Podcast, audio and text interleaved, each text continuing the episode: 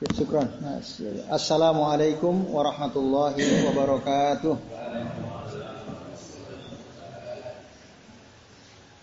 Alhamdulillah, alhamdulillah rabbil alamin. Wa bihi nasta'inu ala umuri dunya waddin, ala umuri dunya waddin wassalatu wassalamu ala asrafil anbiya'i wal mursalin wa ala alihi wa ashabihi wa man tabi'ahum bi ihsanin ila yaumiddin. Asyhadu an la ilaha illallah wahdahu la syarikalah wa asyhadu anna Muhammadan abduhu wa rasuluh. Allahumma salli wa sallim wa barik ala Muhammad wa ala ali Muhammad kama sallaita wa barakta ala Ibrahim wa ala ali Ibrahim fil innaka Hamidum Majid. Rabbi israh wa yassir li amri wahlul lisani. Bapak-bapak dan ikhwas sekalian, azan ya Allah wa iyyakum ajmain. Alhamdulillah pada malam hari ini meskipun hujan terus turun ya, rintik-rintik tapi alhamdulillah Allah masih mengizinkan kita untuk bisa hadir ke sini.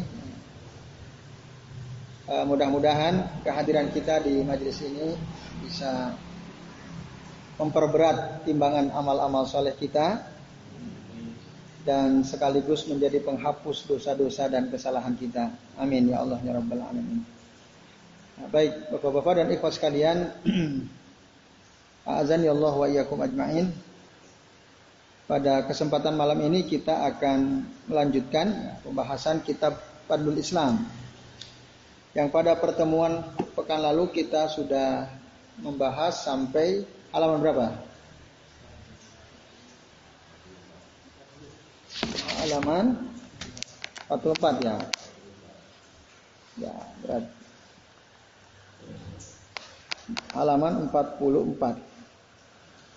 Sekarang 44. Kemarin berarti sampai 43 ya.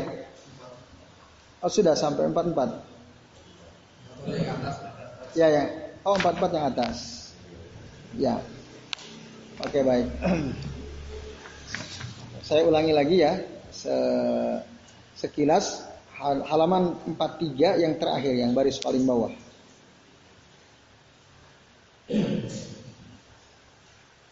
Silahkan dibuka yang paling bawah. Ya, saya bacakan ya, buat sekalian.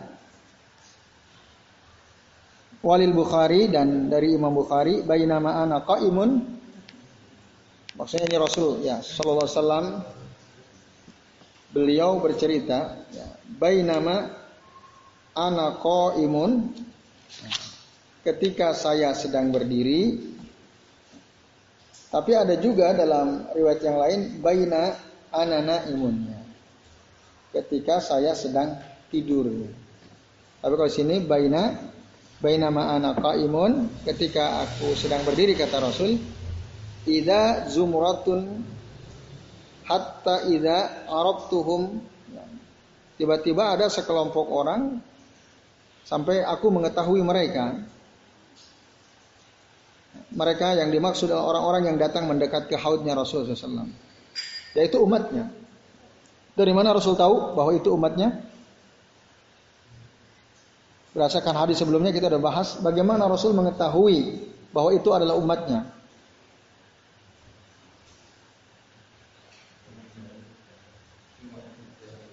apa? Apa Pak Lukman? Ah, cahaya wajah kedua tangan dan kedua kaki. Dari situlah cara Rasul mengetahui umatnya.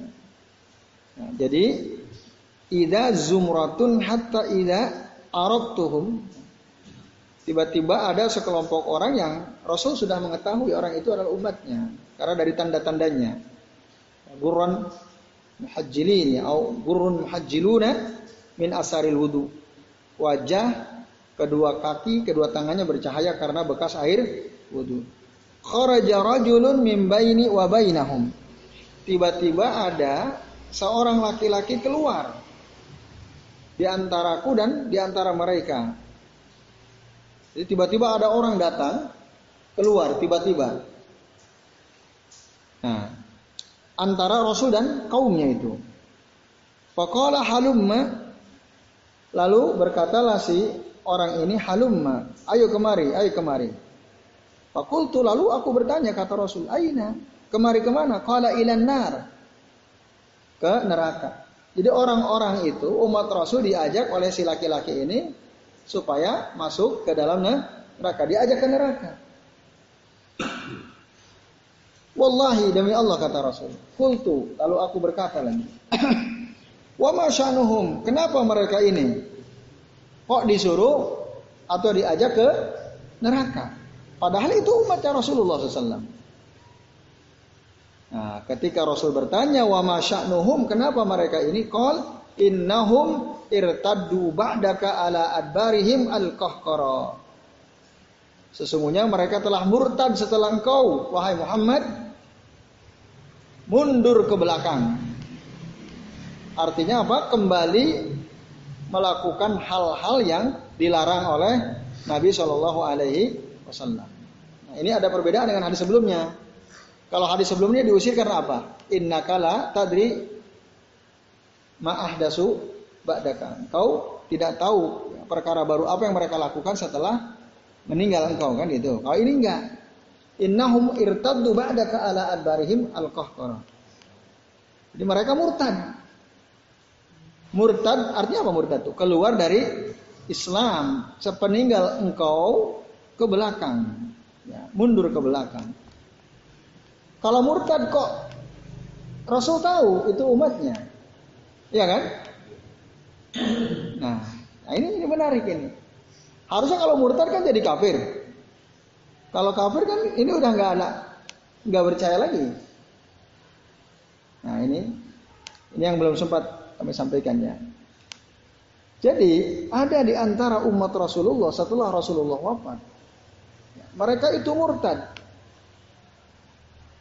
Secara maknawi mereka murtad, tetapi secara zahir mereka tetap Islam karena buktinya mereka wudhu kan, ininya bercahaya. Tapi secara maknawi, secara batin, secara hakiki mereka ini bukan muslim lagi meskipun mereka ngamalin wudhu. Gitu. Nah ini ya. Summa ida zumratun pada karo mislahu. Kemudian Tiba-tiba ada lagi sekelompok orang, tapi begitu juga. Di halum mahalum ila ilana. Jadi setiap kali datang kelompok orang, dari mereka itu disuruh masuk neraka. All lalu ya, Rasul mengatakan apa? Fala urahu yakhlusu minhum illa misli hamalun na'am. Kata Rasulullah SAW. Tidaklah aku melihat mereka bisa lolos Siapa mereka yang masuk sini? Umat Nabi Muhammad, umat Nabi, umatnya beliau. Tidak, ya tidaklah aku melihat mereka bisa lolos kecuali seperti unta tanpa penggembala. Paham nggak antum di sini? Jadi mereka umatnya Rasulullah yang diajak oleh orang ini tadi, siapa orang ini tadi rajul itu sebenarnya malaikat. Malaikat yang menyerupai manu, manusia. Dan memang malaikat oleh Allah diizinkan bisa berubah-ubah bentuk. Itu sesungguhnya malaikat. Lalu digiring, ayo, ayo, kamu masuk ke mana ke neraka? Nah, dan kata Rasul tadi, tidaklah aku melihat mereka yang bisa lolos. Artinya mereka yang kemungkinan bisa lolos, bisa lolos, tidak digiring ke neraka itu, ya illa misli hamalun hamalun na'am Kecuali mereka yang bisa lolos itu perumpamaannya kata Rasul seperti unta tanpa penggembala. Unta tanpa penggembala. Ada bayangan di kepala antum? Assalamualaikum. Unta paham? Penggembala paham? Paham. Unta tanpa penggembala itu artinya unta apa? Unta liar. Unta liar itu jarang sekali. Setiap unta pasti ada yang punya. Pasti ada penggem, penggembalanya. Kalau ada unta lepas dari kelompok yang ada penggembalanya, itu jumlahnya tidak banyak. Itu maksudnya. Sedikit.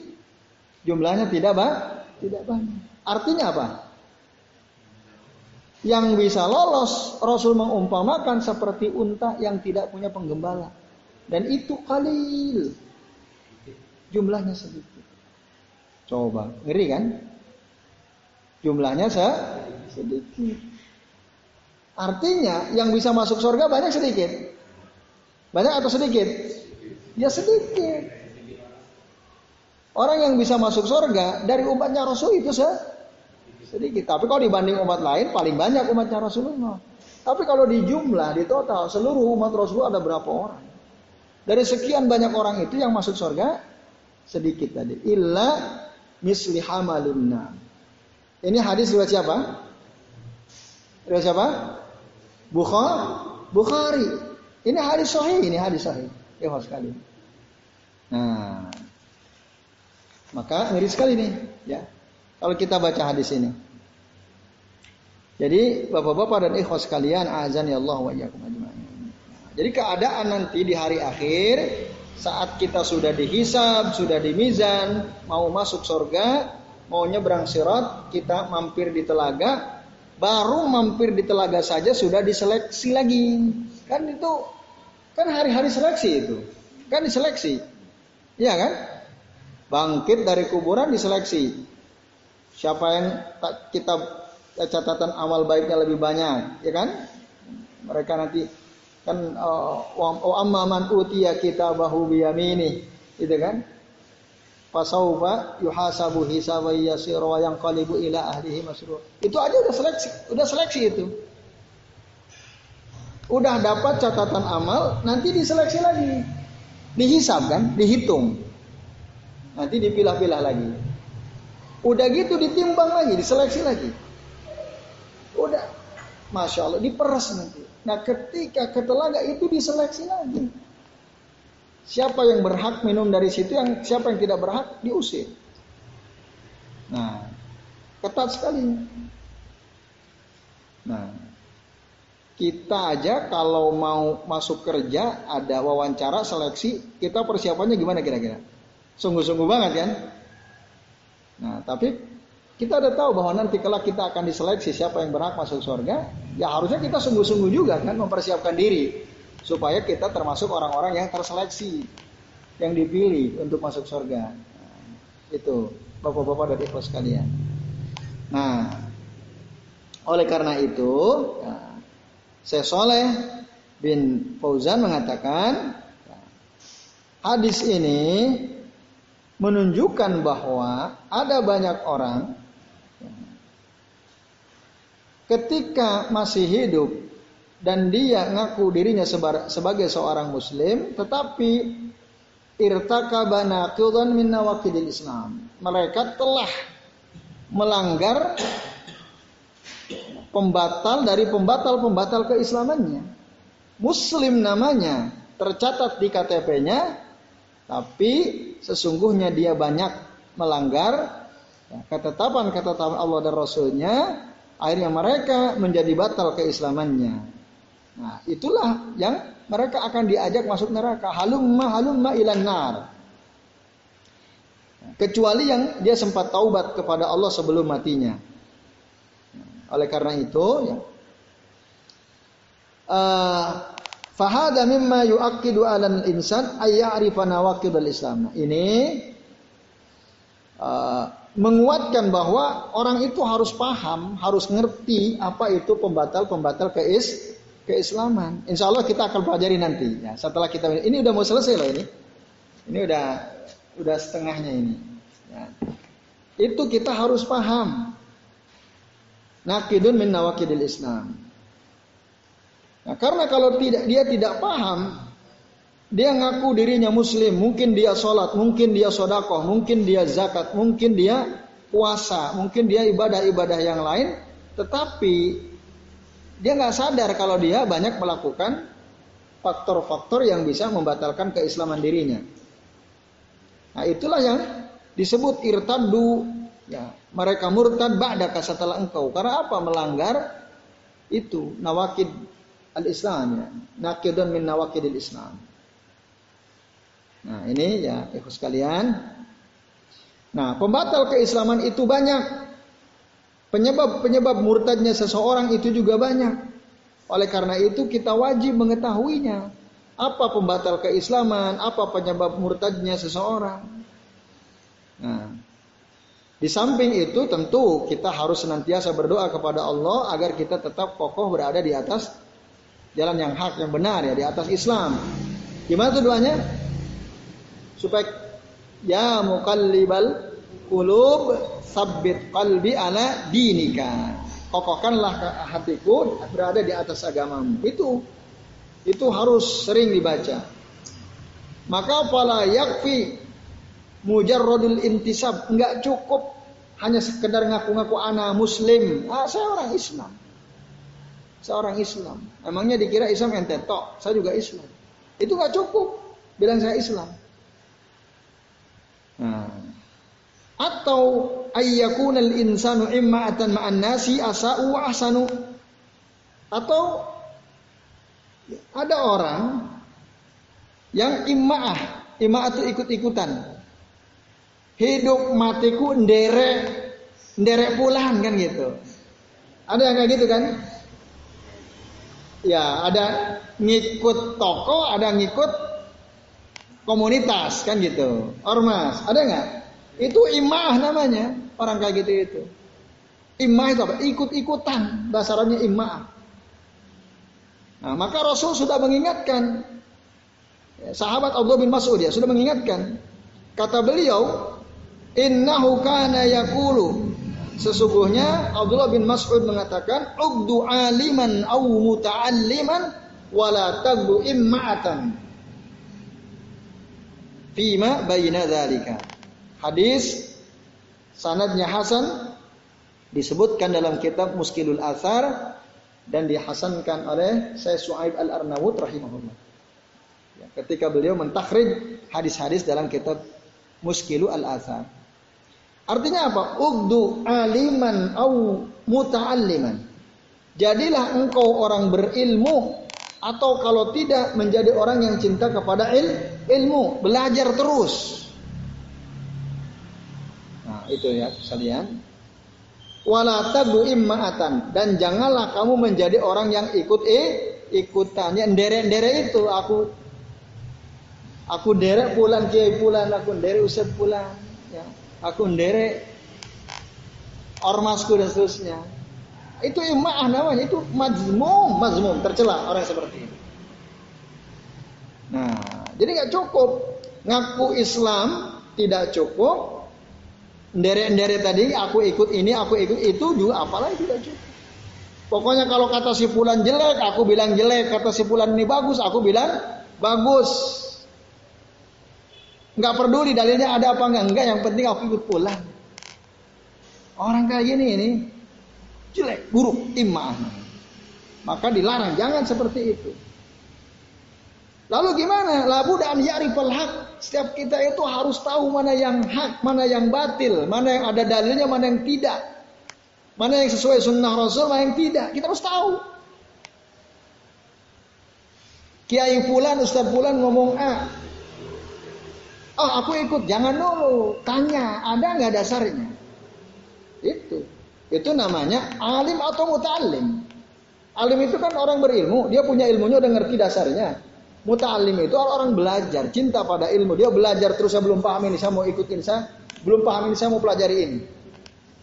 Harus antara dua itu, alim atau muta'alim. Jangan yang penting saya ikut pulang. Lah.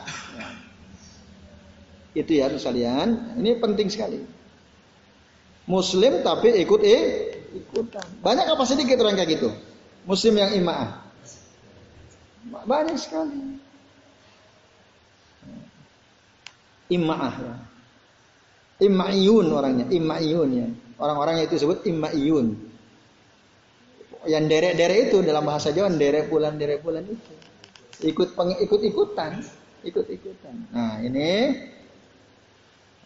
maka orang yang seperti ini nih ya ikut-ikutan imma'ah tadi nah, itu bahaya sekali ya.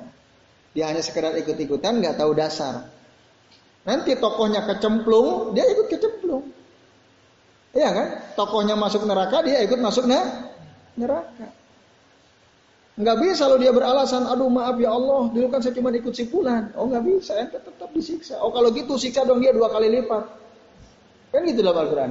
Mereka minta supaya tokohnya itu disiksa dua kali lipat karena telah menyesatkan kami. Ente salah. Kenapa ikut sekarang nuntut sama Allah?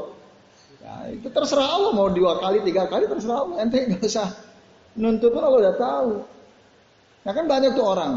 Ya, udahlah ikut aja kiai fulan. Seandainya kita salah, kiai fulan yang tanggung jawab kita enggak kan itu cuma ikut. Nah, ente bahlul, ente kena juga. Kan jelas ayatnya kan, wala ma laisa ilmun. Jangan kamu ikuti sesuatu yang kamu nggak punya ilmu. Iya kan? Nggak punya ilmu atau apa? Nggak tahu dalilnya. Jangan diikuti.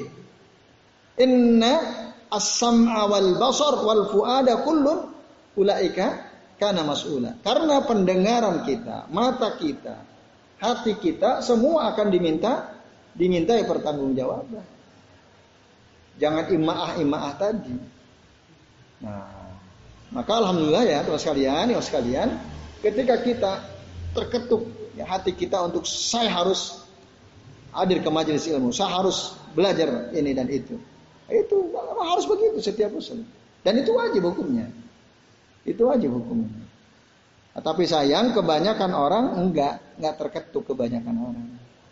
Yang sudah kami sampaikan di pertemuan-pertemuan sebelumnya kan.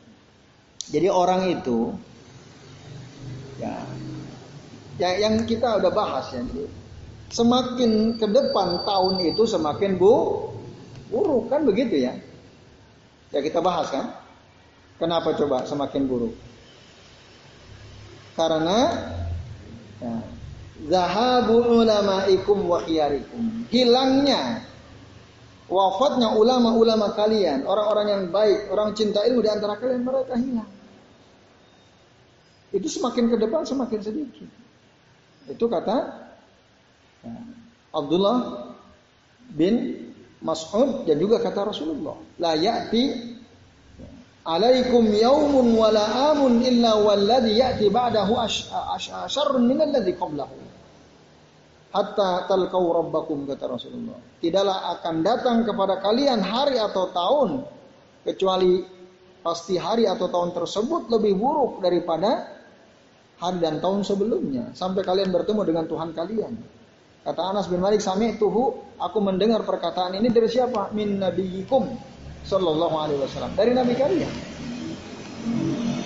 Nah itu ya sekalian. Maka bersyukurlah ya, kepada Allah kalau ada di dalam hati kita ya semangat untuk tolabul ilmu bersyukur. Supaya tadi kita tidak imaah imaah ikut orang ikut orang. Maka ketika kita mendengar, mendengar apa-apa itu tanya dulu, ah ini kok begini? Dasarnya ada atau tidak? Ini begini. Bisa tanya, bisa googling, cari-cari kan sekarang bisa. Ada banyak cara yang kita bisa lakukan. Kita konfirmasi kan, kita kalau pas kita bingung, ya pas alu ahla zikri, tanya orang yang berilmu. In kuntum la ta'lamun jika kita nggak tahu. Intinya jangan ikut ikutan, jangan imma'ah. Nah, Bapak-bapak dan ibu sekalian, di dalam surat surah Al-Baqarah ayat 217 Allah Ta'ala berfirman, Wa mayyartadid minkum andinihi. Barang siapa di antara kalian murtad dari agamanya, fayamut, lalu dia mati dalam keadaan murtad, huwa kafirun. Dia kafir. Orang yang batal keislamannya dia murtad. Ya. Nanti kita akan pelajari secara lebih detail ya, setelah kita selesai. Apa saja nawakidul Islam itu. Yang jelas orang yang melakukan sesuatu dan itu bisa menjadi pembatal keislaman kita berarti ya tadi dia murtad dia lalu dia mati fayamut wa huwa kafir mati matinya kafir. Orang kafir bisa masuk surga atau tidak? Tidak. Lah enggak. Siapa pun kalau ada orang ngomong kan ada ayatnya. Innal ladzina amanu wal ladzina hadu wan nasara was sabiina. Man amana billahi wal yaumil akhiri Barang siapa yang beriman kepada Allah dan hari akhir, nah, apalagi itu. Kalau nggak salah wa amilu solihat ya beramal saleh, maka Fala khaufun alaihim walahum yahzanun. Mereka nggak usah takut dan tidak usah bersedih sedih hati. Nah, kata orang-orang yang apa pluralisme ya, uh, yang punya paham pluralisme, ya agama apa pun nggak ada masalah. Yang penting dia punya iman. Yang penting dia beramal beramal baik. Itu pasti masuk surga. Pluralisme kan begitu. Nah, nah dia harus baca nih ayat ini ya. Wahwa kafirun, maka kalau ada orang mati dalam keadaan kafir, kafir itu siapa? Ya orang yang tidak mau menerima dakwah Rasul, Rasul semua. Orang yang tidak mau menerima Al-Quran itu kafir. Nah, jadi orang yang murtad keluar dari agamanya dia mati matian dalam keadaan kafir.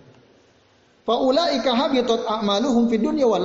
Maka mereka itu semua amalnya, semua amal solehnya sia-sia di dunia dan di di akhirat. Wa ulaika ashabun nar dan mereka itu semua adalah penduduk neraka. Hum fiha khalidun dan mereka kekal di dalam neraka itu. Wah, ngeri itu. Saat buka surah Al-Baqarah ayat 217 ya. Ini Bapak-bapak dan ikhlas sekalian, azani Allah wa iyyakum ajma'in. Oleh karenanya wajib kita tahu apa saja yang bisa membatalkan keislaman kita, apa saja yang bisa membuat kita menjadi murtad. Nah. Karena apa? Karena wa aksarun nasi hamalun la yadruna wa la ya'rifuna nawakidul Islam. Karena kebanyakan orang meremehkan ini, mereka tidak tahu apa itu pembatal-pembatal keislaman. Wa yaqauna fiha. Akhirnya banyak orang terjerumus kepada itu wahum la yadrun sementara mereka tidak paham, tidak tahu. Kenapa bisa babil jahlil ladzila yu'dzaru nabi? Disebabkan karena kejahilan, kebodohan yang tidak ada maaf baginya, tidak kebodohan yang dimaksud itu tidak bukan uzur. Kan ada orang nggak tahu itu dimaafkan. Ada kan? Nah, dalam hadis Rasul mengatakan ya al khata orang nggak tahu salah itu dimaafkan. Tidak setiap ketidaktahuan itu dimaafkan. Tidak setiap ketidaktahuan itu dima dimaafkan. Ada banyak ketidaktahuan pada diri seseorang dan itu ghairu ma'zur, tidak dimaafkan. Kenapa? Li'annahu ya, li'annahu ya'isu bainal ulama karena dia hidup di tengah-tengah para ulama. Li'annahu ya'isu fi biladil Islam. Karena dia hidup di negara Islam. Li'annahu ya'isu fi uh, wasatil muslimin. Karena dia hidup di tengah-tengah kaum muslimin.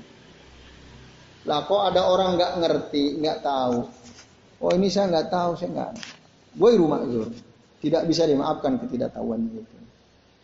Nah ini bapak-bapak dan ikhwas sekalian, oleh karena itu ya, jangan apa berhenti untuk tolabul ilmi, cari ilmu. Terus hatal mamat sampai kematian ya. Apalagi kita hidup di negeri kaum muslimin, mayoritas kaum muslimin, banyak orang-orang berilmu di sekitar kita. Manfaatkan waktu sebaik mungkin untuk tolabul ilmi, ya, untuk bertanya, semangat yahrusu alat ta'allum, semangat belajar terus harus dibangkitkan itu sekalian. Nah, sementara amal ladzi la yubali sementara orang yang tidak peduli fa innahu la yahtamu bil ilmi, dia nggak akan memperhatikan ilmu wala bi ta'allum, dia nggak nggak pernah mau duduk belajar seperti ini. Kalau kita tanya diri kita masing-masing, antum punya teman berapa orang yang akrab dan cukup akrab kepada dengan antum? Antum catat tuh semua list namanya. Lalu dari sekian banyak teman antum itu siapa yang senang di antara mereka tolabul ilmi, cari ilmu, duduk baca ilmu. Kira-kira banyak apa sedikit? Teman-teman yang kita kenal. Nah, di tempat kerja antum, tempat main antum, lebih sedikit. Ya, yang suka cari ilmu itu sah sedikit. Kebanyakan orang nggak peduli. Bahkan ketika diajak males dia ngapain capek-capek. Ngapain ngantuk-ngantuk duduk ya, dengerin orang ngomong kan? Lebih baik sambil ngopi lihat YouTube kan enak. Nah, lebih mantap kan apalagi hujan-hujan kayak gini ngapain? Nah, masya Allah. Dia nggak tahu ya, bahwa duduknya kita di majelis ilmu seperti ini mendatangkan ampunan. Karena semua makhluk Allah sama di langit, wa fil di muka bumi, hatta hitani fil ma sampai ikan di tengah laut di dalam air mereka yastaghfiruna lil mereka memohon ampun kepada Allah untuk kita orang duduk di majelis ilmu sedang mencari ilmu. Nah itu ya sekalian. Belum lagi turun nazalat alaihimus sakinah wa ghashiyatuhumur rahmah wa haffat wa haffat alaihimul malaika wa zakarahumullahu fi man inda. Sakinah ketenangan turun kepada kita ya kita dinaungi oleh rahmat Allah Subhanahu wa taala malaikat memagari kita Allah membangga-banggakan kita di hadapan para malaikat yang ada di dekat Allah Subhanahu wa taala banyaklah itunya kita akan dimudahkan jalannya menuju sor surga. Masya Allah. Nah, tapi coba kalau kita ngopi sambil nonton YouTube ya. Apa kita dapat itu semua? Enggak, enggak dapat. Nah ini. Tapi memang kata Rasul jalan menuju surga itu ya, penuh duri, banyak penghalangnya. Hampir-hampir tidak ada orang yang bisa menempuhnya. Karena saking banyak rintangannya. Tapi kalau jalan menuju neraka, wah itu enak gitu, nggak ada rintangan. Kayak jalan tol lah ibaratnya kalau bahasa kita. Gampang banget gitu. Sehingga hampir-hampir tidak ada orang yang bisa selamat dari neraka karena saking gampangnya.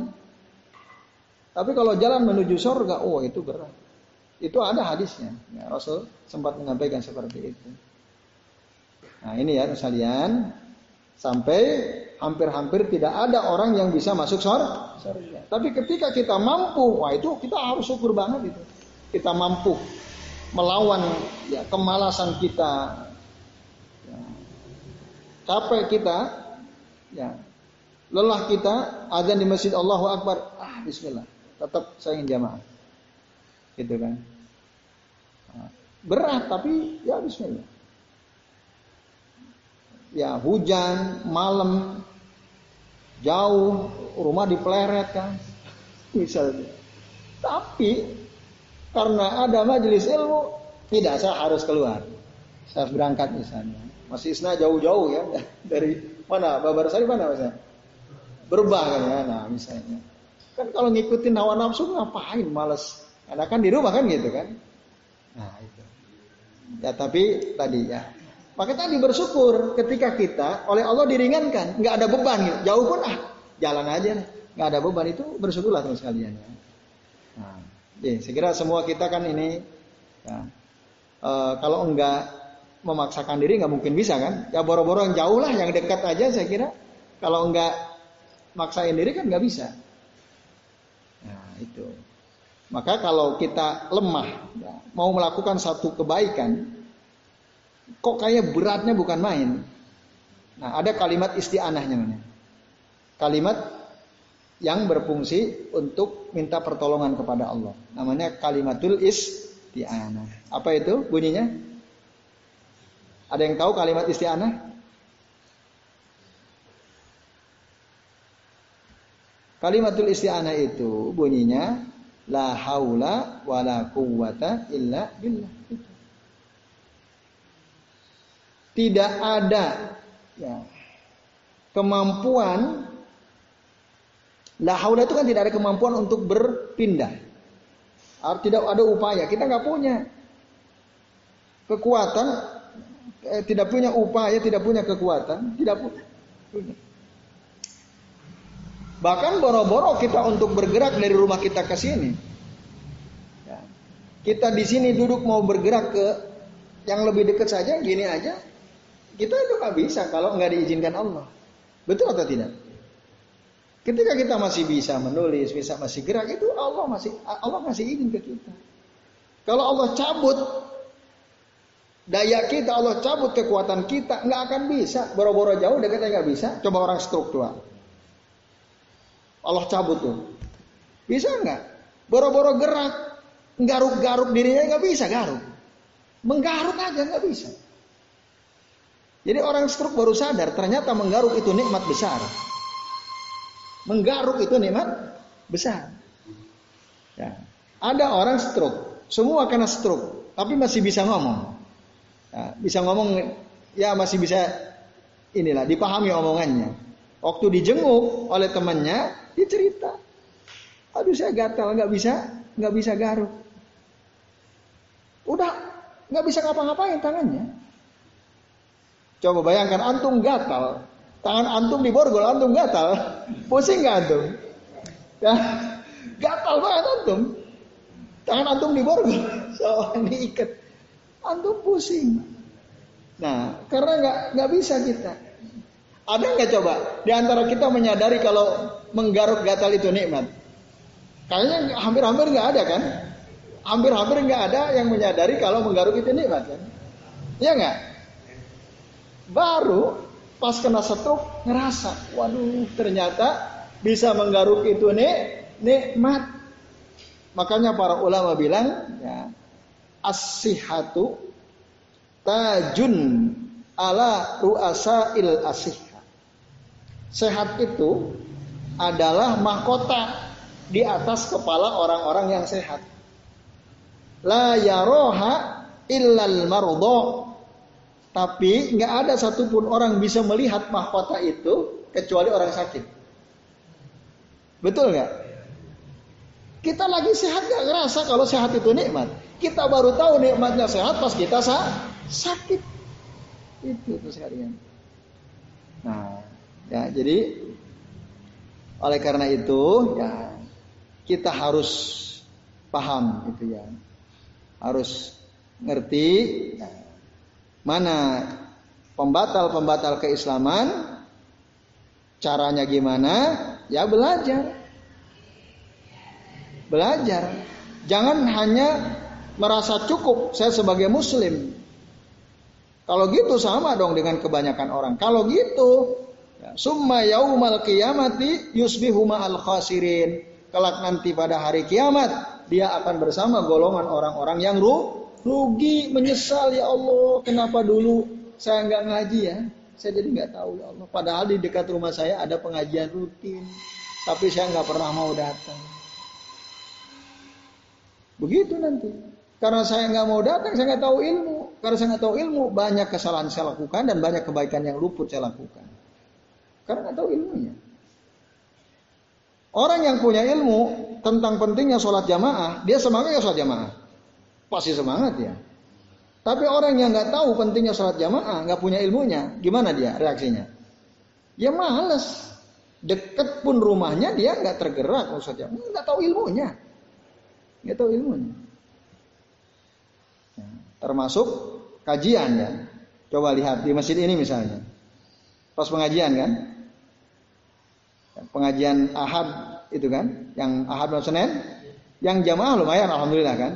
Tapi yang bertahan untuk bisa duduk di sini sampai isya lebih banyak lebih sedikit? Lebih sedikit. Lebih sedikit kan. Yang hadir dari luar-luar itu kan. Nah, itu ya. Nah ini Nanti, sekarang sih mungkin nggak kerasa, tapi nanti baru akan menyesal. Aduh, saya nggak tahu ini, saya nggak tahu itu. Dan ketidaktahuan orang nanti di hari akhir gue rumah zur tidak akan dimaafkan. Nah, ini kecuali mungkin dia jauh dari majelis ilmu, ya. tidak ada sama sekali orang yang paham. Dia tinggal di pedalaman yang jauh dari mana-mana, mungkin masih bisa. Nah ini ya ikhlas kalian azan ya Allah wa ajmain. Nah oleh karena itu sekali lagi bahwa ya, apa yang kita ambil bisa ambil kesimpulan dari apa yang dikatakan oleh Rasul dalam hadis ini adalah kita harus punya ilmu supaya kita tidak terjerumus kepada kemurtadan. Nah, karena yang bisa selamat dari ajakan untuk masuk neraka itu sangat sedikit seperti unta tanpa penggem penggembala. Hadis rawahu Al-Bukhari. Jadi saya kira itu ya. Terus jangan jadi imaah tadi, jangan jadi imaah. Kud ya, ugdu aliman au muta'alliman wala tagdu imma'atan Jadilah kamu orang berilmu atau kalau tidak jadi orang yang selalu belajar ya cinta ilmu dan janganlah engkau menjadi orang yang ikut eh ikutan. Itu poin penting yang perlu di garis bawahi ya oleh teman-teman sekalian. Baik, nah, kita masuk ke hadis berikutnya, berikutnya. Walahuma dan masih dari Bukhari Muslim di hadis Ibni Abbas radhiyallahu anhu dalam hadis Ibnu Abbas radhiyallahu anhu dia mengatakan fa aqulu kama qala al abdu saleh. Jadi Rasul berkata, ya ketika umatnya itu diusir dari telaganya, ada yang murtad, ada yang bid'ah, kan gitu ya. Nah, lalu fa'akulu kama qala ya, al-abdu saleh. Abdul saleh di sini Nabi Isa maksudnya. Maka aku berkata sebagaimana dikatakan oleh hamba Allah yang soleh yaitu Nabi Allah Isa alaihissalam. Wa kuntu alaihim sahida ma dumtu fihim. Dan aku atas mereka menjadi saksi selama aku ada di tengah-tengah mereka. Kata siapa ini? Nabi Isa alaihissalam.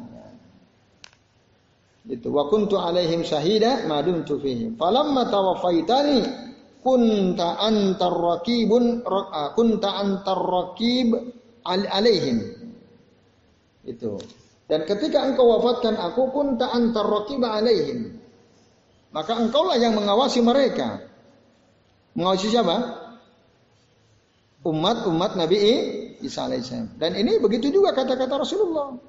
Ketika aku berada di tengah-tengah umatku, aku akan menjadi saksi selama aku ada di tengah mereka. Tapi ketika engkau wafatkan aku, ya Allah, maka engkaulah yang akan engkaulah yang mengawasi mereka. Wa anta ala kulli syai'in syahid dan engkau menyaksikan atas segala sesuatu. Nah, ini ya, terus sekalian. Nah, itu kata-kata Rasul SAW. Nah, tu'adzibhum fa innahum ya. in tu'adzibhum fa innahum ibaduk kalau engkau azab mereka sesungguhnya mereka adalah hamba-hambamu. Wa in taghfir lahum fa innaka antal azizul hakim. Tapi jika engkau ampuni mereka, sesungguhnya engkau adalah zat yang maha perkasa lagi maha bijak, lagi maha bijaksana. Di kitab antum mungkin nggak ada ya, nggak ada. Nah, itu lanjutannya. Itu ayat ke 118-nya. Yang ini ayat 117 ya. Dua ayat itu penting dipahami ya. Nah, nah maka teman-teman sekalian, azan ya Allah wa iyyakum ajmain. Nah, ini ada kaitannya dengan kisah Nabi Isa alaihi salam.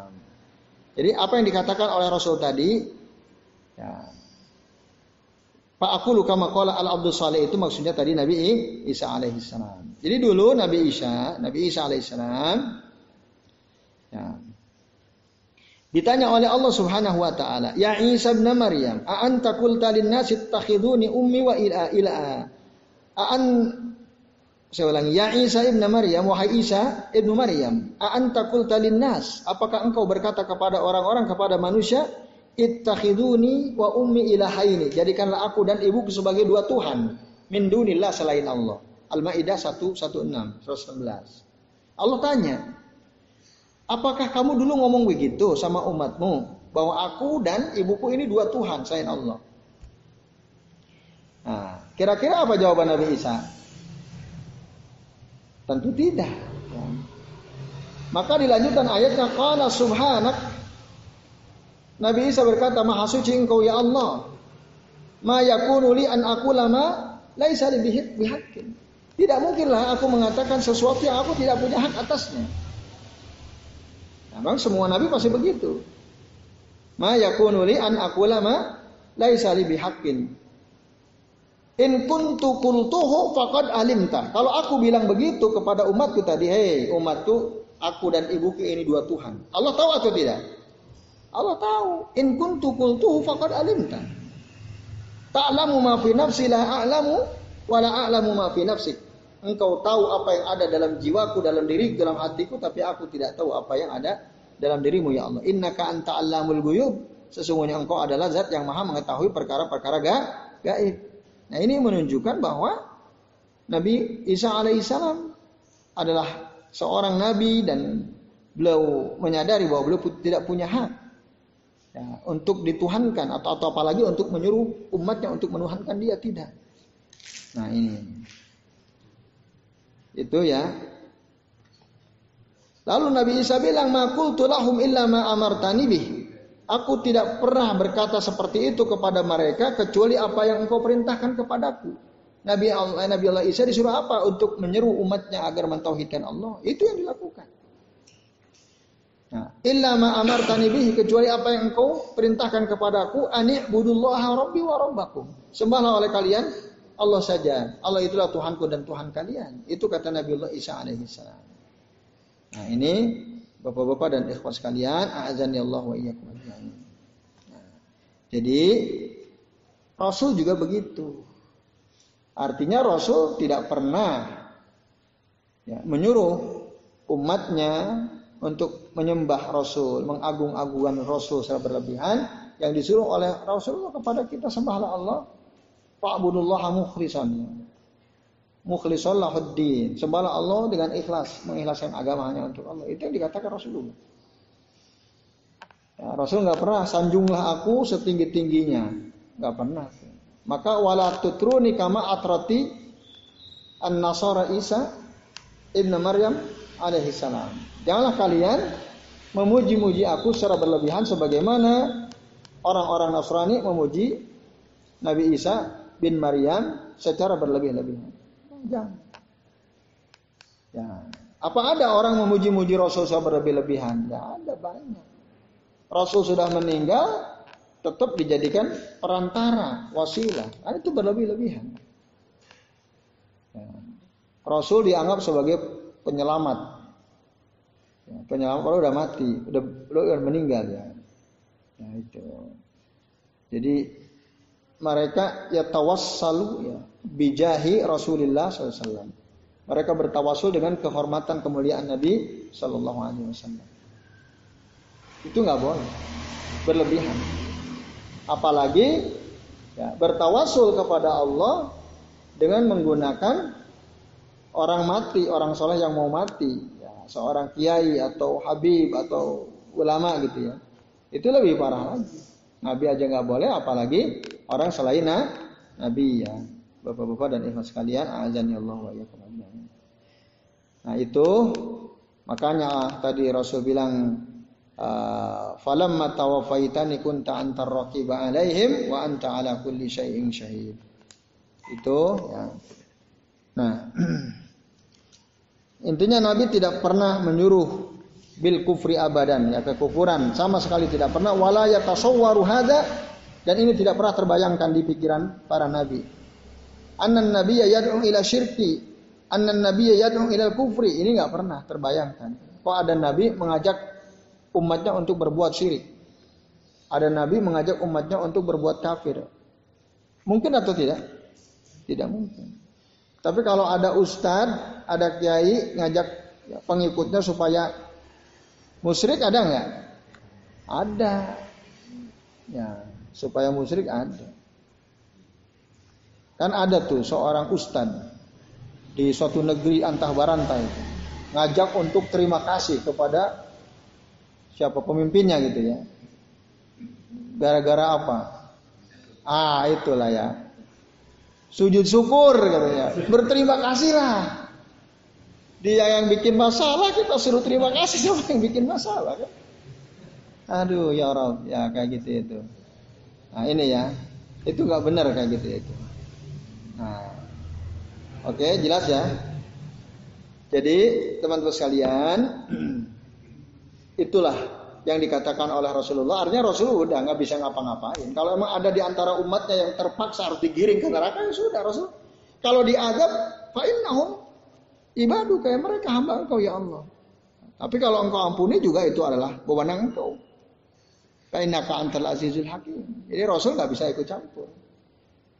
Memang Rasul sayang sama umatnya, umati umati. Tapi kalau Allah putuskan bahwa umatmu ini murtad, umatmu ini telah berbuat perkara baru sehingga dia tidak boleh minum dari haud harus digiring ke neraka ya Rasul tak bisa protes ya udah bahkan Rasul kok Rasul kok sila pergi kalian pergi kalian Rasul ya seperti itu nah ini ya sekalian kemudian yang terakhir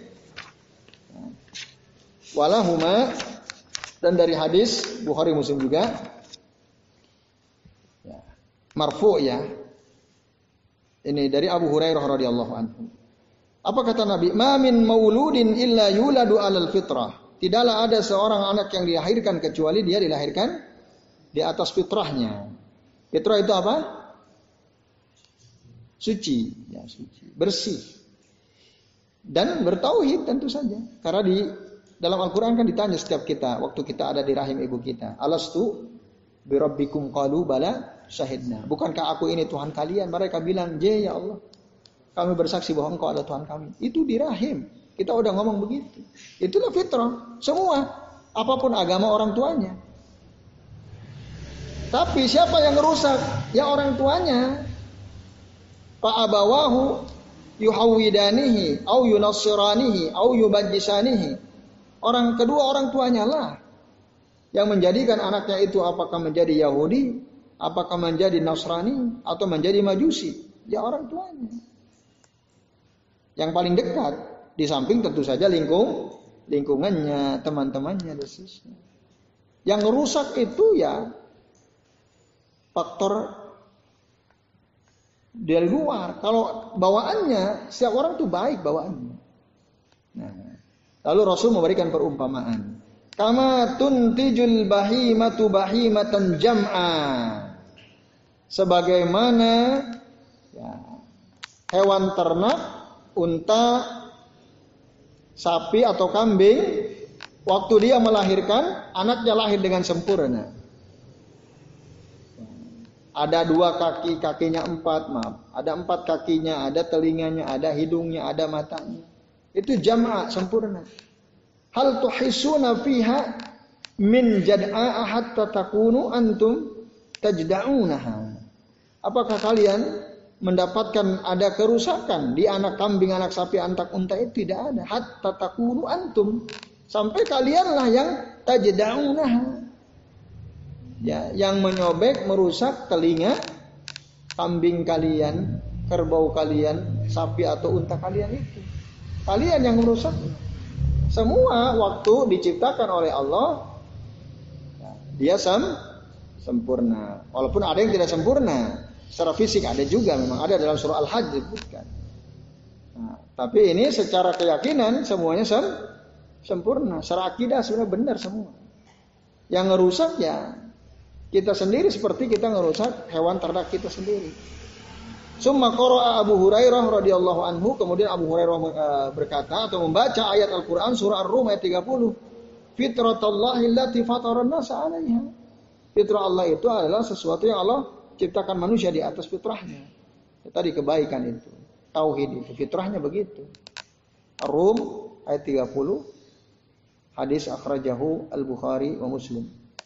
Nah ini ya, ikhwas sekalian, azan ya Allah wa iyyakum Tetapi dikatakan ya Dalam ayat ini Allah fataran nasa alal Islam, bahwasanya Allah itu menciptakan manusia di atas Islam. Ya. Fatarahum ala tauhid, Allah menciptakan manusia di atas tauhid.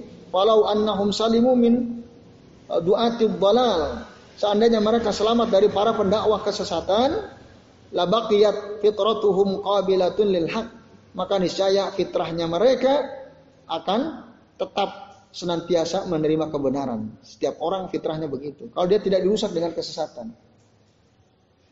Nah, oleh karena itu ya, ah, selain dia akan selalu menerima kebenaran dan mereka akan pasti mengikuti Rasulullah tabau ar-rusul.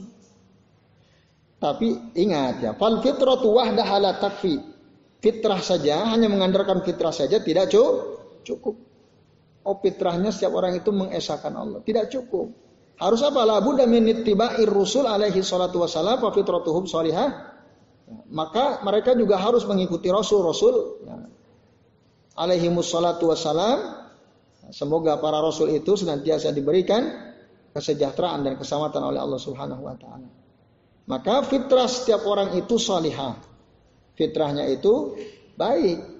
Mislu at-turba at-tayyibah as-salihah nabat. Seperti fitrahnya tanah. Ya, pada dasar setiap tanah itu baik bisa menumbuhkan tumbuh-tumbuh tumbuh-tumbuhan. Ya, maka tanah itu apabila belum tercampuri oleh sesuatu yang bisa merusak, dia akan tetap baik. Tabqa salihah tapi kalau dia sudah dirusak dengan berbagai macam hal ya, misalnya uh, dirusak dengan apa? Pupuk kimia ya dan lain sebagainya misalnya. Nah, itu kan lambat laun pasti akan rusak kualitasnya. Maka ya tanah itu akan rusak dan tidak lagi bisa tumbuh di atas tanah tersebut ya tumbuh-tumbuhan. Kalau udah rusak nggak bisa lagi. Nah, itu ya terus kalian. Jadi pun begitu kita sebagai hamba-hamba Allah, pada dasarnya kita ini semua baik. Pada dasar kita ini semua bisa menerima kebenaran. Tapi kita dirusak oleh lingkungan kita sendiri, oleh teman-teman kita sendiri, oleh orang tua kita sendiri. Nah itu. Nah, lalu sedikit lagi dikatakan wa kadzalikal insanu idza ghayyirat fitratahu. Begitulah juga manusia apabila dia dirubah fitrahnya, fa innaha la taqbalu al khair. Kalau fitrahnya sudah dirubah, dia sudah tidak lagi bisa menerima kebenaran. Setiap kali disampaikan kepada kebenaran, kalau udah rusak fitrahnya, dia nggak mau. Ya. Ketika disampaikan kepadanya Al-Quran, Sunnah Rasul SAW, mereka nggak mau. Tapi ketika lagu dan rases, oh, apalagi misalnya, ah, itulah siapa tuh? Ya penyanyi yang disukai oleh Pak siapa itu ya? ya yang rock rock itu ya. Nah itu. Nah, nah, pas dengar-dengar kayak gitu dia seneng. Lagu-lagu seneng. Ada nggak tuh orang kalau di setel lagunya kayaknya seneng. Pas di setel murotal, uh panas dia gak seneng. Ada nggak? Ada orang kayak gitu itu. Fitrahnya udah rusak tuh, ya. Orang yang ketika dia dengar dangdutan, dangdut koplo, dia senengnya bukan main yang manggut-manggut gitu ya. Tapi ketika di setel muratal, dia panas. Oh, apa sih ini? Ganti-ganti. Nah, marah-marah dia. Ini secara fitrah udah rusak tuh orang. Fitrahnya udah rusak. Nah, hatinya udah gak bersih lagi. Makanya kata Rasul apa? Tu'radil fitadu ala qulubin nasi udan udan kelhasir. Fitnah godaan syaitan itu dinampakkan kepada hati setiap orang itu sehelai demi sehelai sebagai anyaman sebuah tikar. Paman asrobaha nakata fi qalbihi sauda. Barang siapa yang menerima godaan syaitan itu, maka ada bintik-bintik hitam di hatinya. Waman angkaroha pana kata fi qalbihi nukatal bayda. Kalau dia ingkari godaan syaitan, godaan ya, syaitan diingkari oleh dia, di bantah oleh dia, maka akan ada bintik putih di dalam hatinya. Nah itu. Nah, kata syaitan, ya sudah nggak usah sholat ya, atau nggak usah ke masjid. Ngapain hujan gerimis kok enakan di rumah? Nah kata hatinya, iya ya, yang omawai lah. Nah itu padahal gerimis.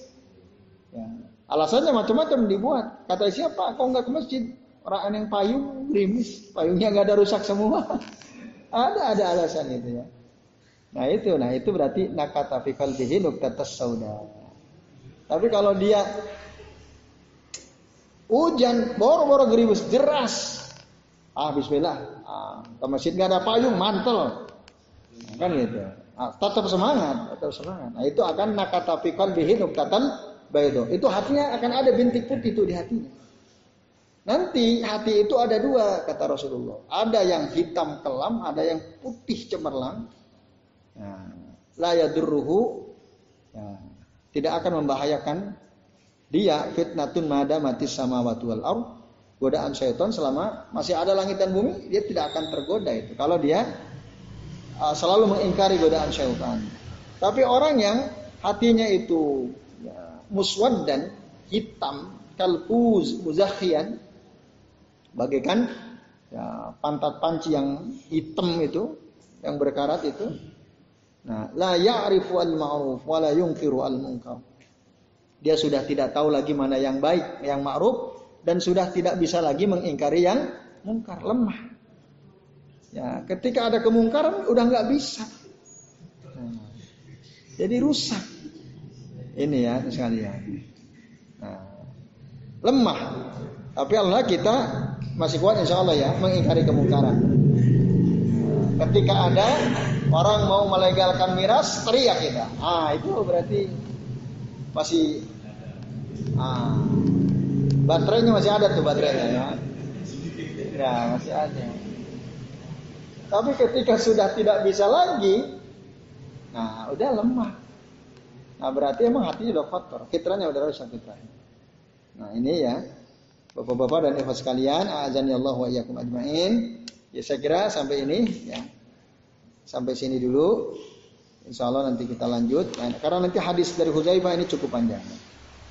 Kita akan lanjut insya Allah di pertemuan yang akan datang. Ini sudah jam 10 lewat ya. Lewat seperempat. Ya. Monggo, saya kasih kesempatan. Barangkali kalau ada yang mau bertanya, kami silakan. Ya silakan Pak Lukman.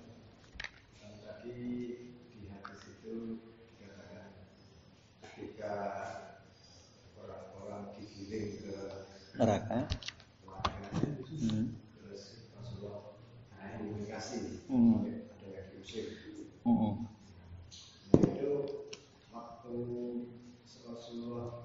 Tanya. Mengusir ada komunikasi itu kan jaraknya apa ya kalau di itu banyak orang-orang itu di waktunya kan katakanlah berapa tahun lah banyak atau menjadi Rasulullah itu nunggu terus di belakang Ya. Tadi kan disebutkan kalau kita ya lihat tadi hadisnya. Ketika aku sedang berdiri kan, tiba-tiba ada sekelompok orang kan gitu.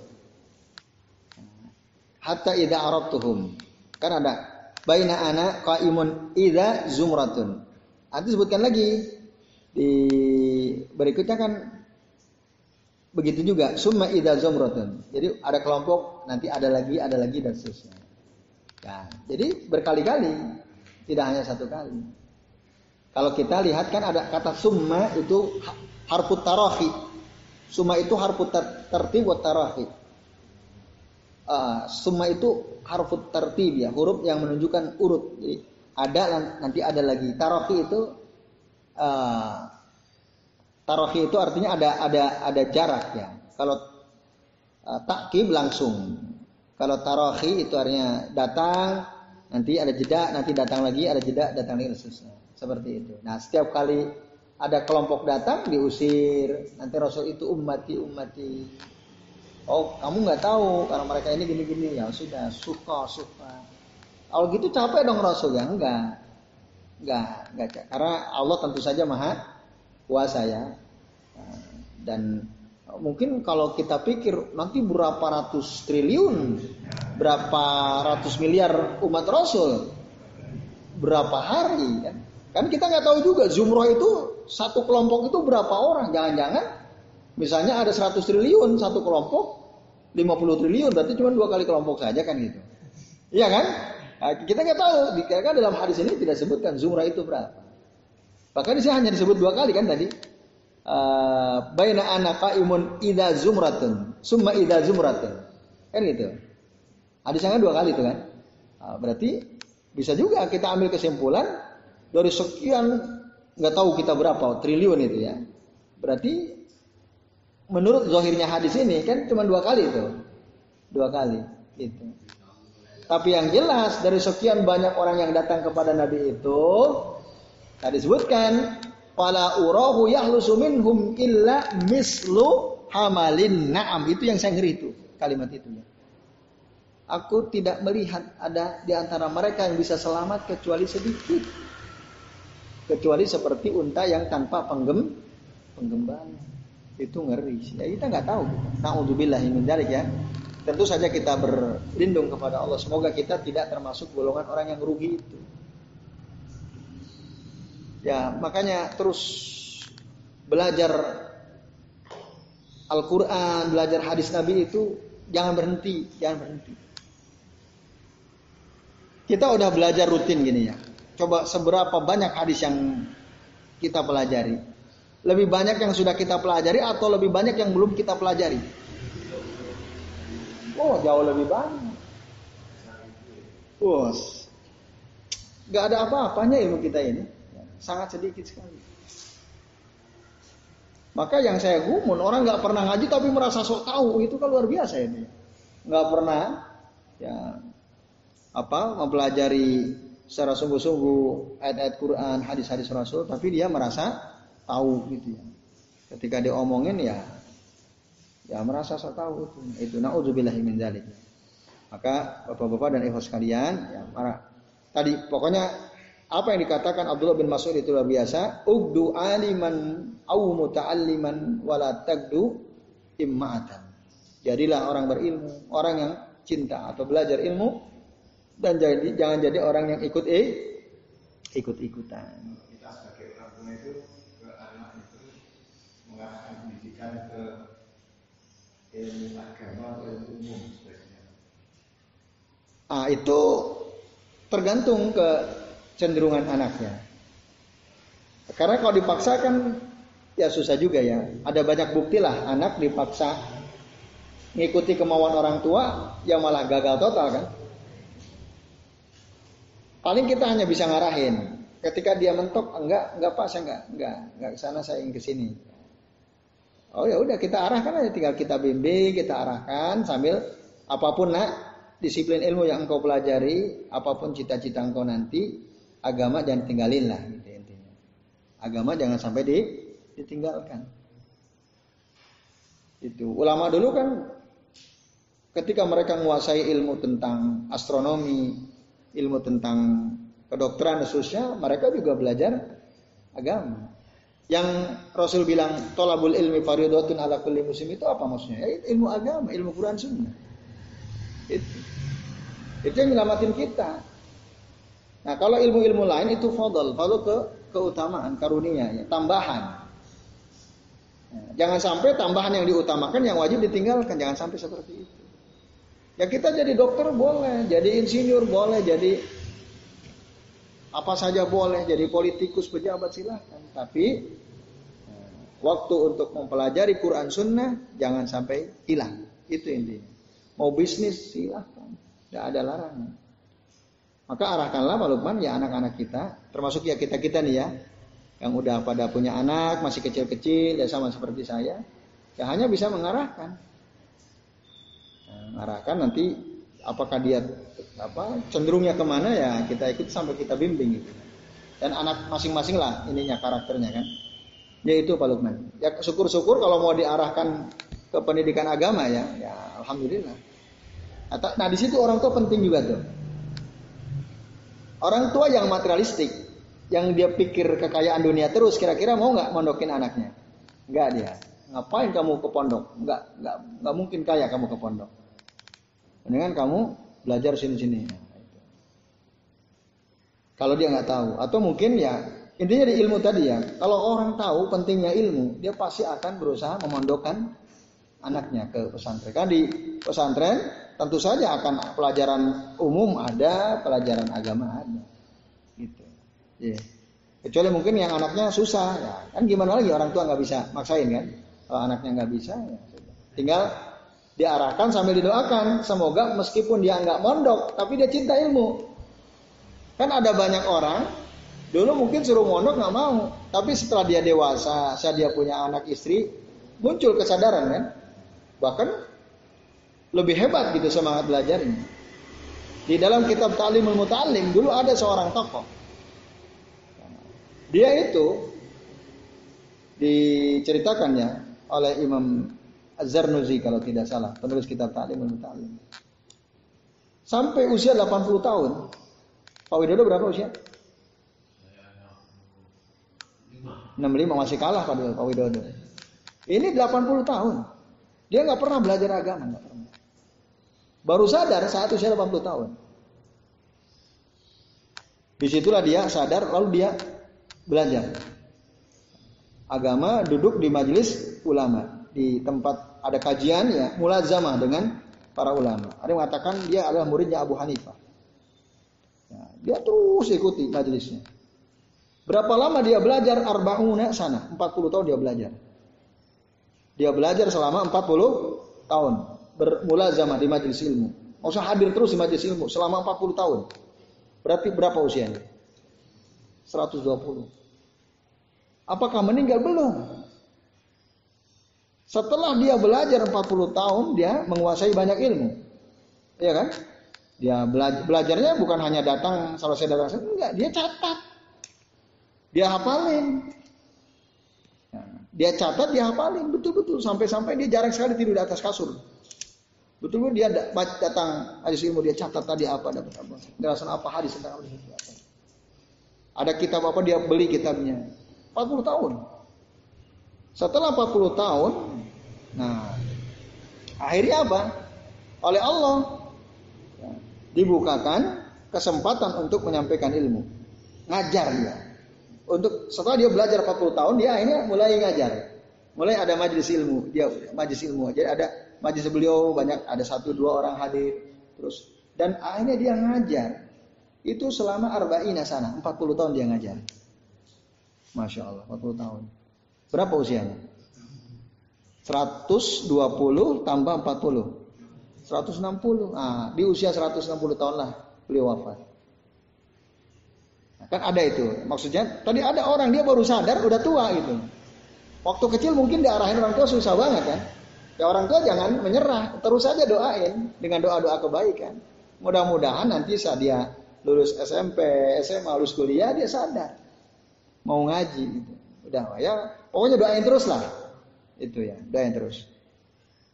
Nah, itu dan ya tentu untuk kita semua jangan putus asa. Aduh, ya Pak Widodo saya baru usia segini, usia segini terus. Tapi tadi memang belajarnya betul-betul belajar ya. ya. Belajar, duduk dia bukan kan ada sebagian orang hadir ke majelis ilmu hanya untuk daripada kosong. Pernah nggak dengar kata orang itu? Daripada kosong ada kegiatan, mendingan ikut majelis ilmu kan gitu. Ada nggak orang ngomong, ngomong begitu? Ada, ini orang nggak bener. Walaupun lebih baik daripada yang enggak kan gitu. Tapi kalau gitu ya nggak dapat dapat. Jangan daripada kosong untuk ilmu itu. Betul-betul memang saya ingin untuk ilmu. Niat benar. Itu. Ya itu maksudnya. Allah taala. Oke, saya kira oh, masih ada ya silakan. Rasul mengetahui umatnya. Nah. Ini kok difokuskan ya murtad saja. Kalau kan umatnya Rasul saja yang menggunakan kita. Ah. Hmm. Iya. Kalau antum kemarin hadir nggak? Iya. Pernah hadir kan? Kalau kemarin bidah kan? Iya. Ini murtad kan? Yang ini hadis ini kan menjelaskan tentang yang murtad yang diusir kan? Iya. Ah.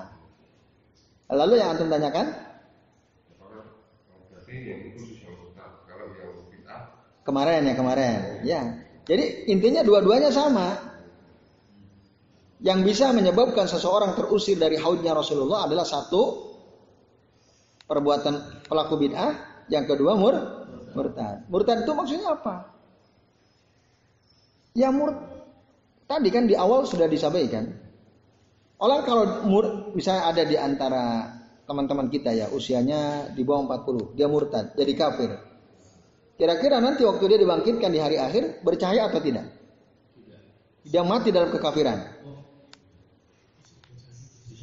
Saya ulangi pertanyaannya. Ada di antara teman kita usia di bawah 40. Dari mulai balik sampai usia 40 dia Islam. Tapi setelah 40 dia murtad. Murtad dalam arti pindah agama. Pindah agama. Mungkin karena istrinya orang kafir, dia ikut istrinya. Apalagi istri orang kaya kan itu misalnya. Lalu dia mati dalam keadaan seperti itu. Dalam keadaan kafir. Katakan dia murtad usia 40, dia meninggal usia 60 kan. Kira-kira nih orang di hari akhir nanti wajah dan kedua mata, eh, kedua kaki sama kedua tangannya bercahaya atau tidak? Saya ulangi pertanyaannya. Ada orang saat usia 40 tahun dia murtad. Jadi kafir maksudnya murtad ini. Jadi kafir loh ya. Pindah agama. Nah. Ikut agama istrinya selama 20 tahun, usia 60 tahun dia mati. Mati belum taubat. Masih dalam keadaan kafir. Nanti ketika dibangkitkan di hari kiamat, ketika akan berjalan ke haud, bercahaya nggak kira-kira wajah dan kedua tangan kakinya? Tidak. Karena orang kafir kan udah nggak wudhu kan? Wudhu nggak kira-kira dia ketika udah masuk orang kafir? Kemungkinan nggak ngapain wudhu, dia sholat aja enggak kan? Nah, jadi yang dimaksud murtad di sini dalam hadis ini adalah bukan murtad pindah agama. Sejatinya dia ya, masih mengklaim dirinya sebagai muslim. Masih beramal dengan amalan-amalan Islam. Tapi dia melakukan sesuatu yang bisa membatalkan keislamannya. Itu. Artinya dia kan tetap terus wudhu. Dia tetap sholat sampai dia mati kan. Tapi sebenarnya dia secara hakiki udah murtad. Karena apa? Melakukan hal-hal yang bisa membatalkan ke keislamannya. Contoh, ah? ah contohnya syirik, syirik. Itu. Contoh aja deh gini. Ada orang percaya di rumahnya itu ada keris, dia nyimpen keris. Kalau keris itu diambil, wah dia ketakutan luar biasa. Dia merasa terancam keamanan rumahnya. Makanya dia jaga betul tuh keris jangan sampai keluar rumah. Ada nggak orang yang percaya seperti itu?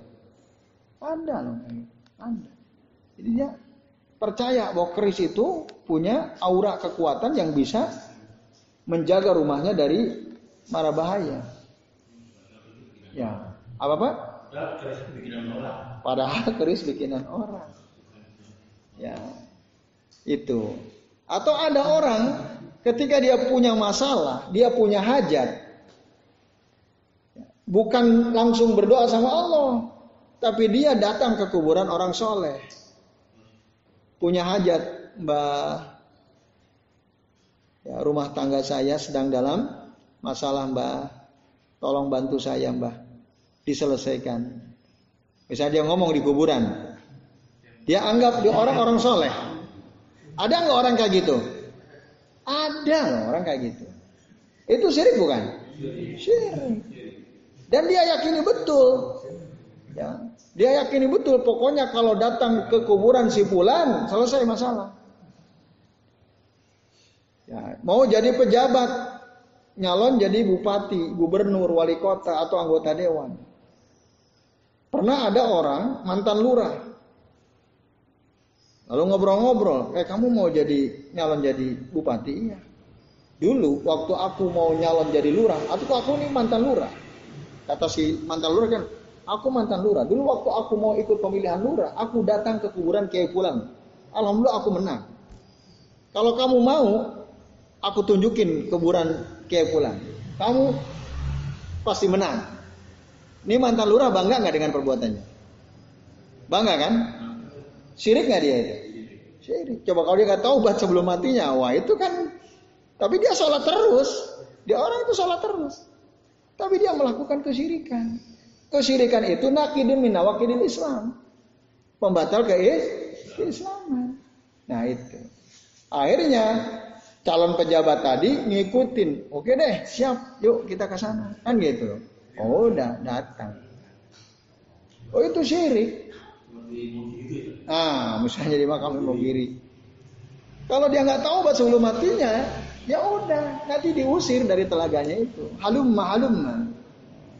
Tapi ya ilan nar, ilan nar, ilan nar. Ya, banyak. Rasul bilang bah, banyak. La uro ya fala uro yahlusu minhum illa mislu hamalin na'am. Jadi yang bisa selamat itu sedikit sekali lagi. Yang bisa selamat itu sedikit. Jadi saya kira ini ya Pak Lukman.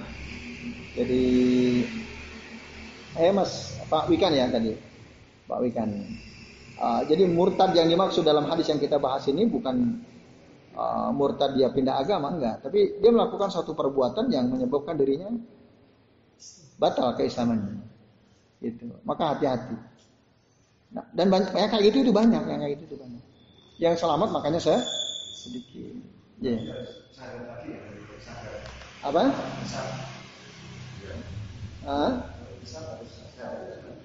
Iya kalau kalau dia taubat ya Allah pasti kalau dia betul taubatnya taubatan nasuh Allah akan hapus semua dosa-dosanya. Gitu kan? Oh tadi yang batal keislamannya. Ya dong, tentu dia harus kalau dia sadar dia harus perbaharui. Dia misalnya ya, ada di antara antum misalnya, nauzubillah tapi pernah melakukan kesyirikan. Antum baru tahu, oh ternyata itu pemberontak Islaman kan. Lalu bagaimana saya? Misalnya antum bertanya pada diri sendiri. Terus gimana dong saya supaya saya ingin taubat dari kesyirikan saya? Padahal Islam saya sudah batal. Ya, syahadat lagi dia. Apakah harus depan orang? Enggak, enggak harus depan orang banyak. Ya kita sendiri kita ikrar lagi ya, dan tentu saja bertaubat dulu. Dia harus taubat dulu. Taubat dulu. Nah, setelah dia taubat, ya, baru kemudian dia memperbaharui syahadatnya, keislamannya. Itu ada yang mengatakan tergantung dia melakukan perbuatan yang me, apa membatalkan Islamnya itu di depan orang banyak apa sendiri. Kalau dia kan menghina Quran itu termasuk membatal dua kalimat syahadat. Menghina syariat Allah dan Rasulnya. Kalau dia lakukan itu di depan orang banyak, kan batal keislamannya di depan orang banyak kan? Maka dia harus memperbaikinya depan orang banyak juga. Bapak-bapak, ibu-ibu dulu saya pernah ngomong begini, betul kan? Sekarang saya taubat, taubat dan nasuha. Ah, gitu. Karena banyak orang tahu. Ya sebisa mungkin seperti itu. Tapi kalau kita sendirian melakukan kesirikannya, kita sendiri nggak ada masalah. Itu itu yang pernah saya baca ya dari penjelasan mereka.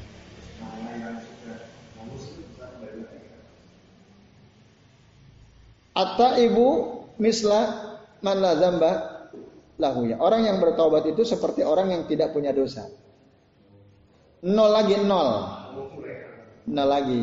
Tapi kan dosanya juga nol lagi.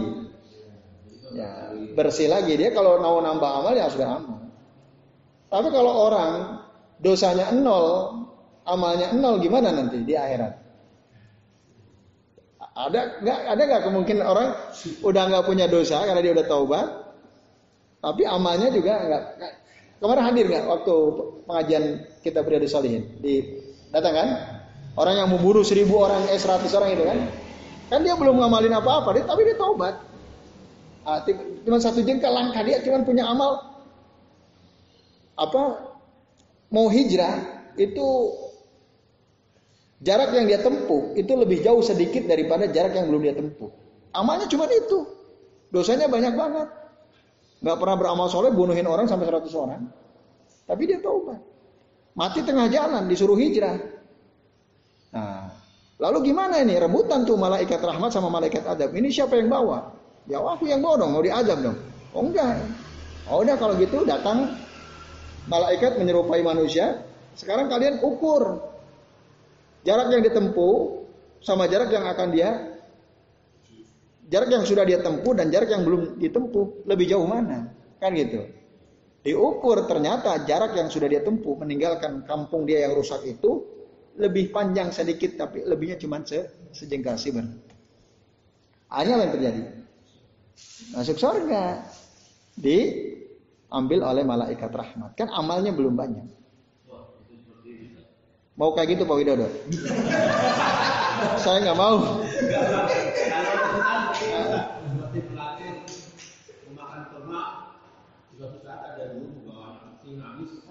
Terus? Si waktu itu beri anak itu sehingga itu diam makan rumah itu ya terus dia itu lagi masuk neraka. Jadi nggak masuk neraka. Ada. Oke baik. Ini hati-hati juga ya. Cerita tentang seorang pelacur ngasih minum dalam versi. Kalau yang ngasih kurma itu Rasulullah pernah bilang, ya uh, lindungilah diri kalian dari siksa api neraka walau bitam roti uh, walau bitam rotinya meskipun dengan sebiji kur kurma walau bitam roti. Ah, dalam hadis yang ada hadis, ada seorang pelacur. Dia memberi minum kepada seekor anjing. Dia harus turun ke sumur, ngambil air itu dengan sepatunya dia gigit sepatunya kan itu. Ada satu riwayat begitu. Nah, disebabkan karena perbuatannya si pelacur itu masuk masuk surga. Lalu oleh orang pelacur aja masuk surga. Jadi jadi pelacur itu nyantai aja nggak apa-apa. Yang penting berbuat baik. Yang penting berbuat baik. Dia ngasih minum anjing aja tuh pelacur masuk surga. Jadi para pelacur kalian nyantai aja. Nyantai aja sis gitu ya. Ini bahaya tuh. Dikiranya hanya sekedar ngasih minum, profesinya tetap jadi pelacur sampai mati, dia pasti masuk surga. Itu bisa bahaya tuh. Orang bisa salah paham. Nah, kalau kita telusuri, bukan hadis itu beberapa kali ada yang bilang pelacur, ada yang bukan pelacur. Tapi seandainya pun itu pelacur, al-ibroh yang dianggapnya bukan poin titik tekannya bukan pada pelacurnya, tapi pada keikhlasan amal. Tentu saja si pelacur itu udah taubat. Setelah itu taubat, kalau nggak taubat tetap jadi pelacur sampai mati ya nggak mungkin masuk surga. Itu. Nah ini bahaya tuh hati-hati tuh. Ah, tapi ada tuh orang yang salah kaprah dalam memahami hadis itu. Jadi jadi pelacur, ya pernah nggak salah. Yang penting berbuat baik. Hadisnya mana? Eh ini hadisnya disebutin. Itu bahaya itu. Nah, ya itu salah memahami dah dalil ya. Oke, saya kira itu sekalian ya. Jadi pelacur itu adalah perbuatan dosa besar. Ya. Zina itu dosa besar. Boro-boro zina mendekatinya saja tidak latak robu azina. Ya, jangan kalian mendekati zina. Aku pelacur berzina atau tidak? Ya jelas berzina. Walaupun doa-doa dulu. ya ada kan video kayak gitu kan.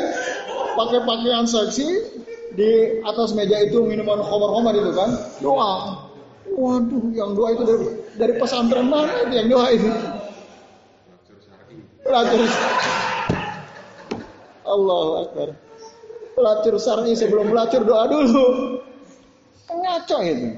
Nah ini ini ini bahaya nih amburadul kayak gini karena dia merasa Islam, merasa semua bisa di disarikan cukup dengan hanya berdoa gitu ya.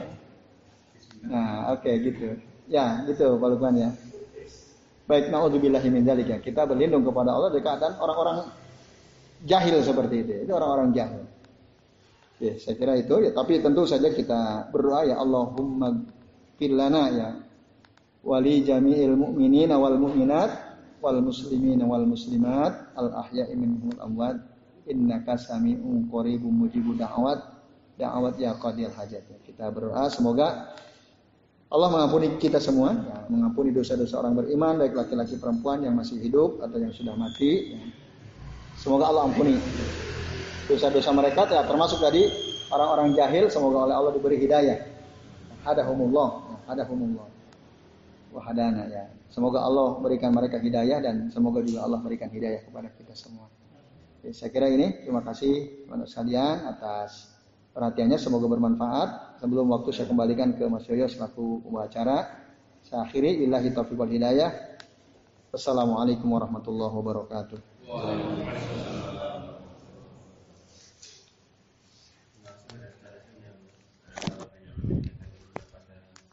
Semoga apa yang disampaikan